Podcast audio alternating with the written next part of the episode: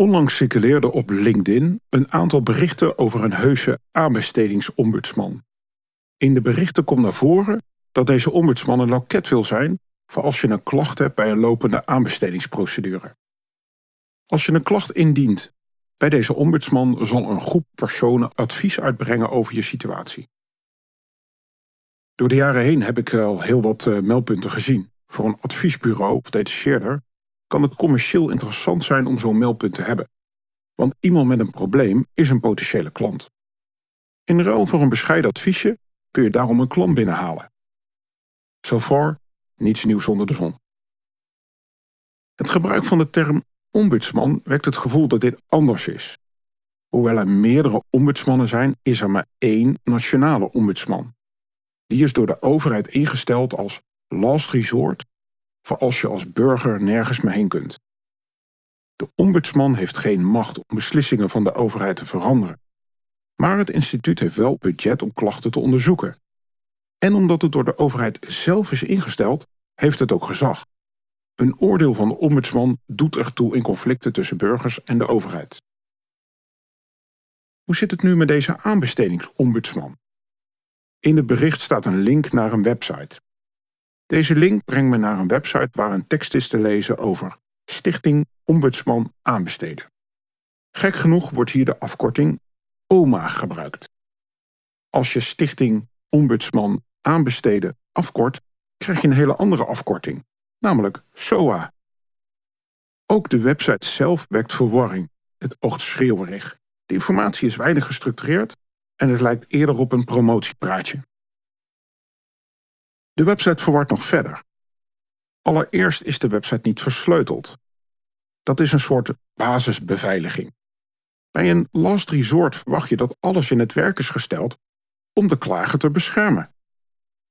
Het gaat hier in de basis dus al niet goed.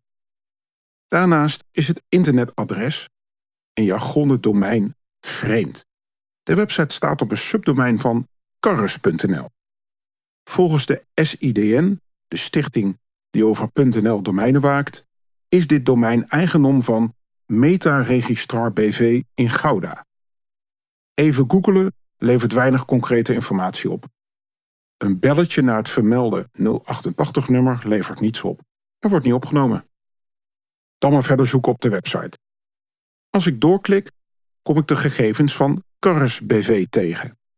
Dat klinkt logisch, gezien de naam van het domein en omdat een van de initiatiefnemers zo heet. Maar wat heeft dat met deze stichting te maken? Hoe meer ik rondklik, hoe vreemder het me allemaal voorkomt.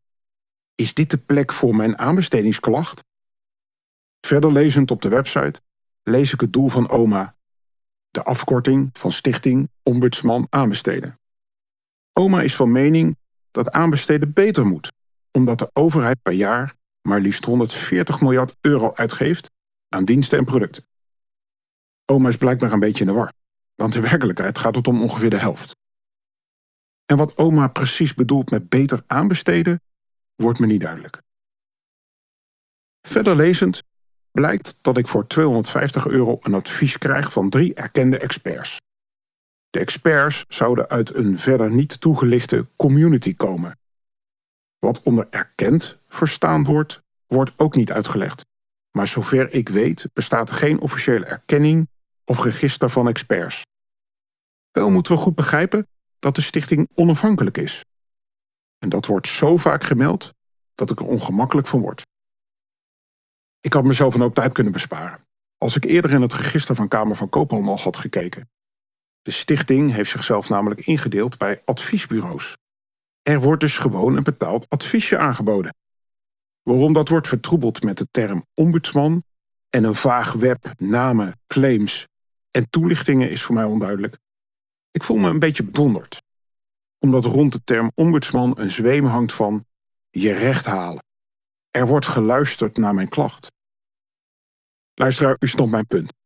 Predicaten als ombudsman, expert, deskundig, onafhankelijk, dat moet je verdienen.